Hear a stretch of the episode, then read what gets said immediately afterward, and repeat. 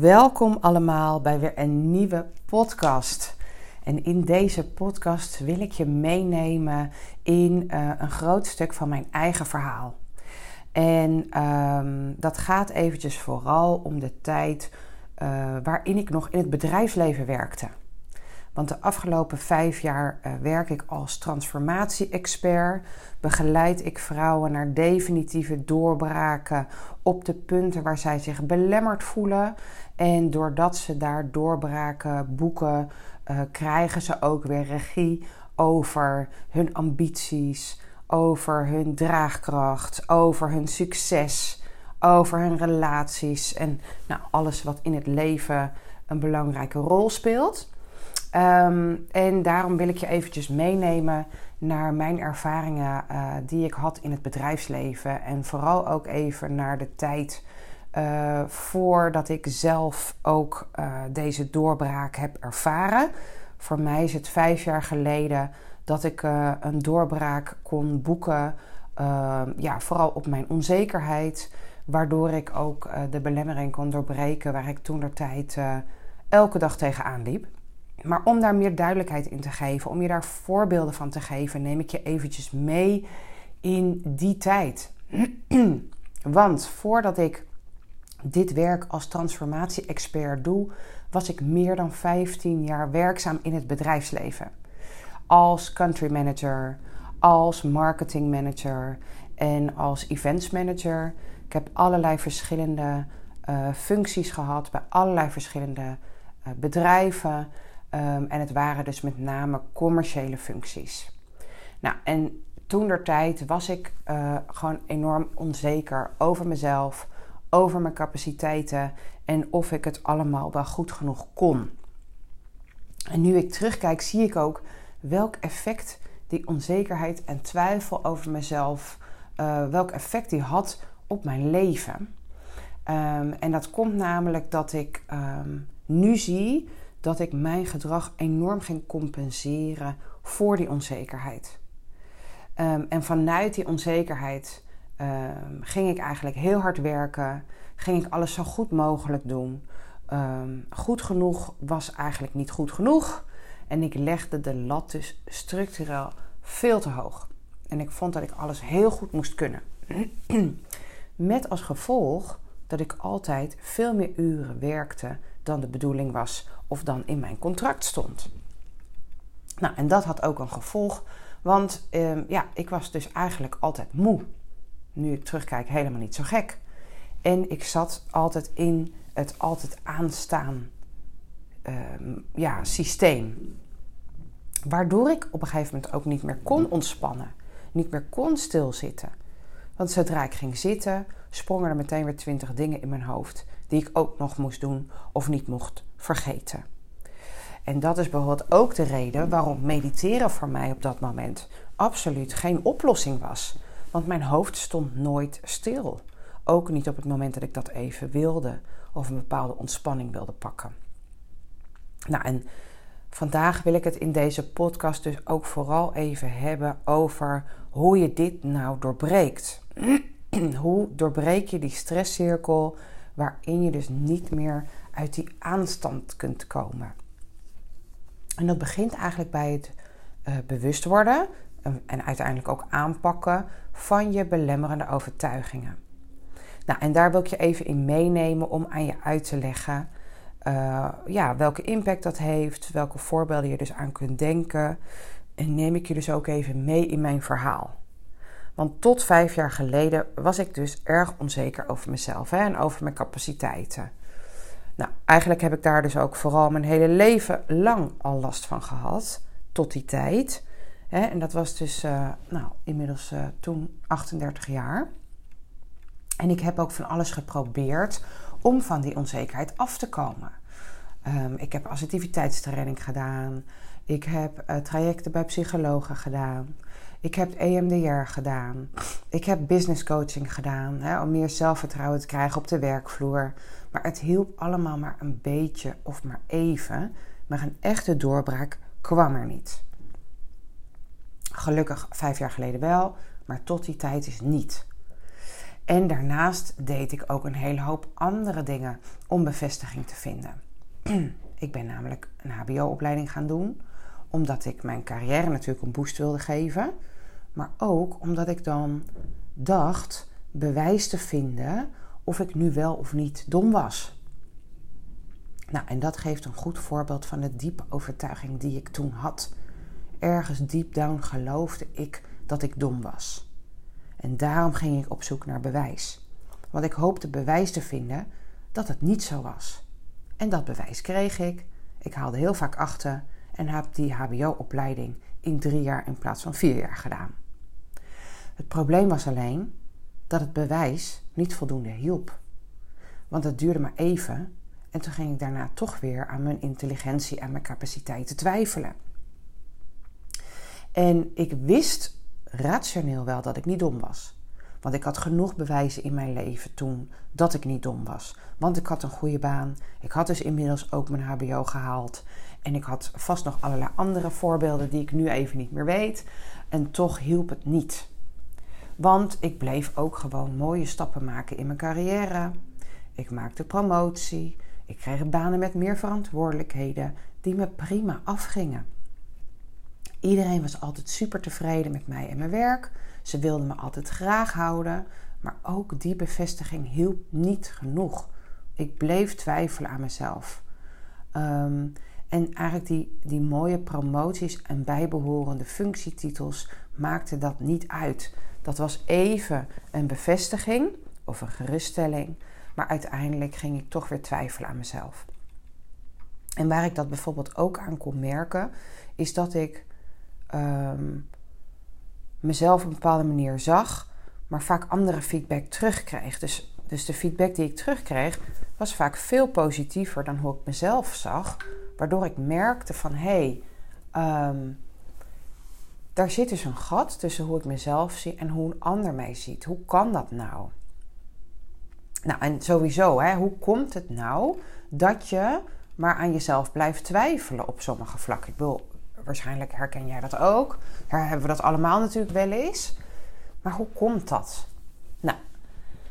Als jij merkt dat jij ook op een, en dat hoeft niet dom zijn, hè? Het kan ook een ander punt zijn waarvan je merkt, daar blijf ik aan twijfelen.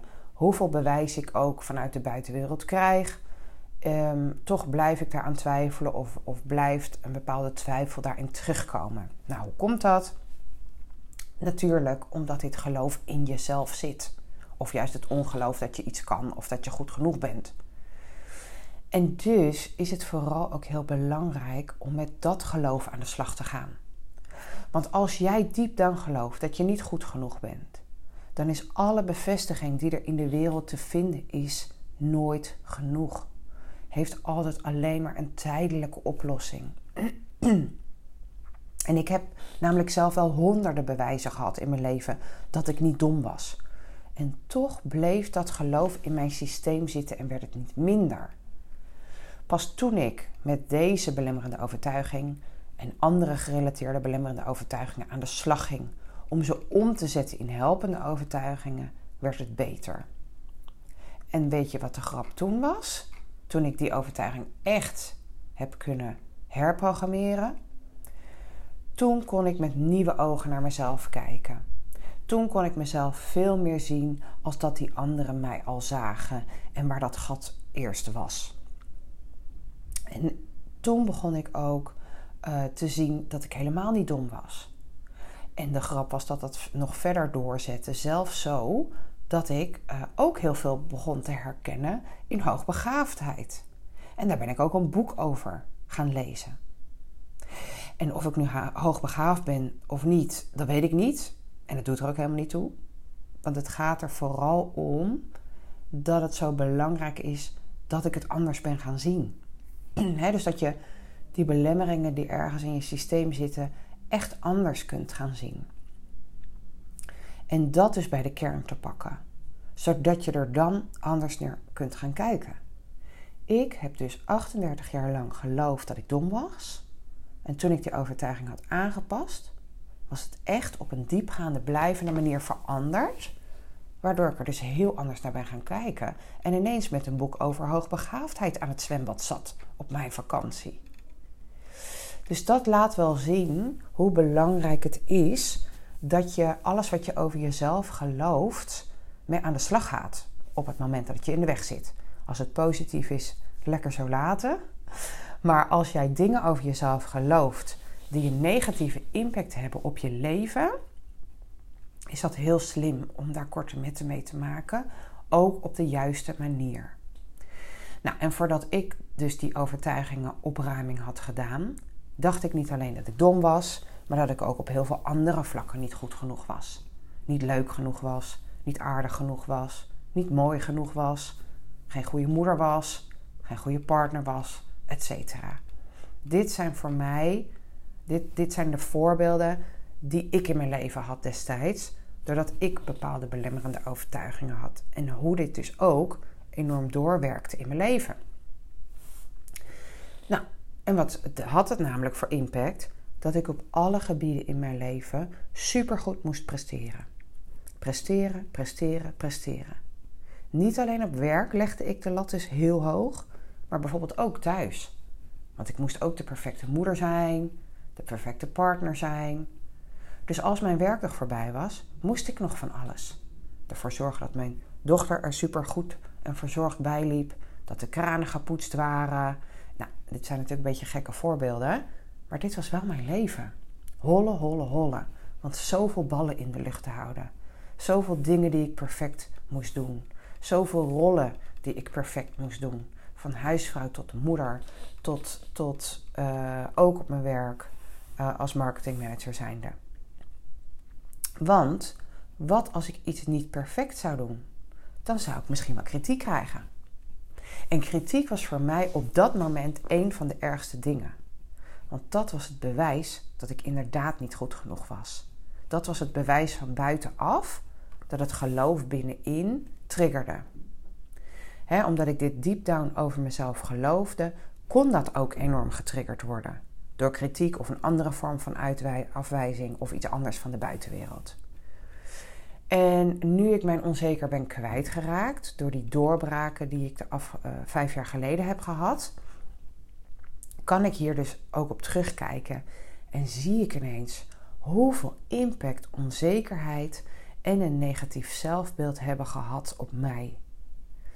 En ik weet ook dat ik niet de enige vrouw ben die zich onzeker voelde. Hè? In, ook al had ik een pittige leidinggevende functie, ik weet zeker dat er heel veel vrouwen zijn die een pittige leidinggevende functie hebben, die een, een echte uh, leiderschapsrol hebben, die uh, een groot bedrijf hebben, uh, een succesvolle ondernemer zijn en zich toch onzeker voelen, toch twijfelen aan zichzelf.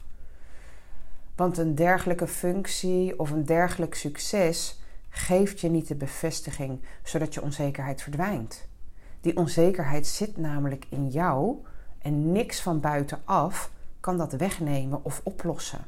In ieder geval niet op de lange termijn en op een blijvende manier. De enige oplossing die er is om echt met die oorzaak aan de slag te gaan, is zelf in jezelf die belemmeringen aan gaan pakken. En het maakt niet uit waarom je bepaalde belemmeringen hebt of hoe je die gekregen hebt. Weet je, dat is gewoon wat er gebeurt.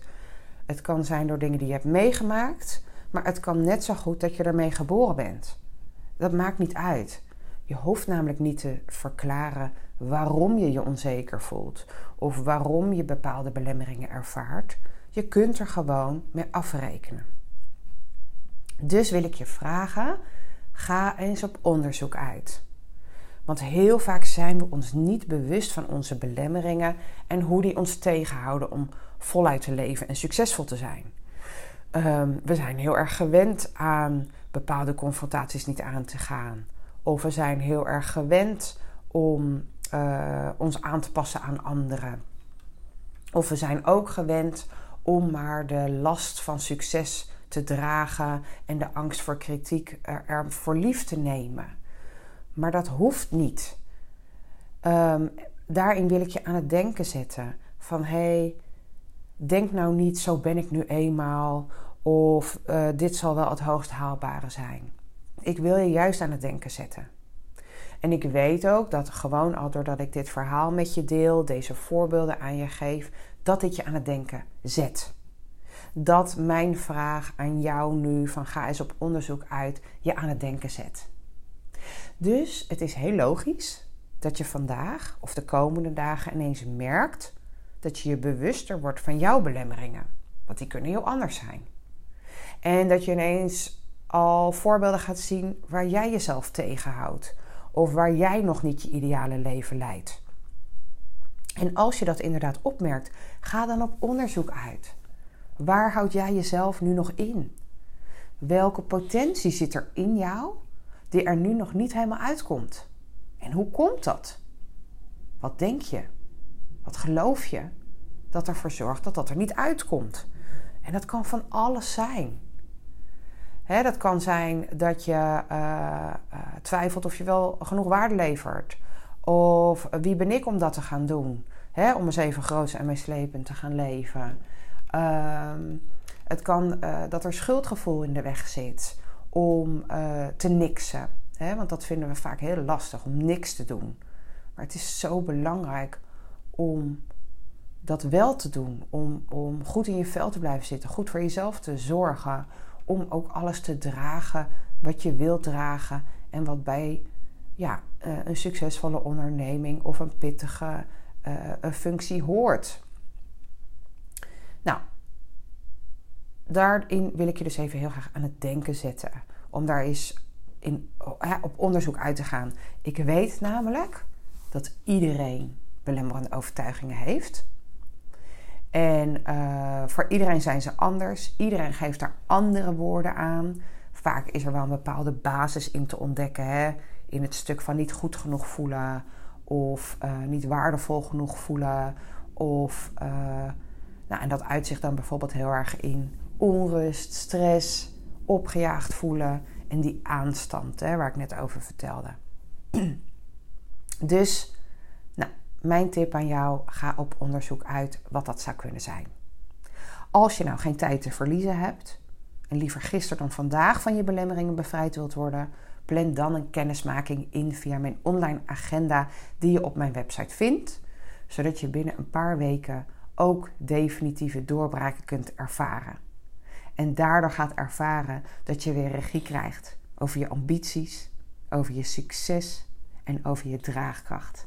Met als het hele mooie gevolg dat je on top of the world voelt. Klinkt dat goed? Dan maak ik heel graag kennis met je binnenkort. Als je vragen hebt, mag je me ook altijd contacten. Voel je vrij. Op mijn website zijn allerlei manieren te vinden om mij te contacten. Uh, dus doe dat zeker. Ook als een kennismaking nu niet voor jou het moment is, voel je dan vrij om vragen te stellen. En ik beantwoord ze heel erg graag. Je krijgt van mij persoonlijk een reactie terug. En ehm, dat was even voor nu wat ik met jullie wilde delen. Um, dus ik wens jullie allemaal een hele fijne dag. En dank je wel voor het luisteren.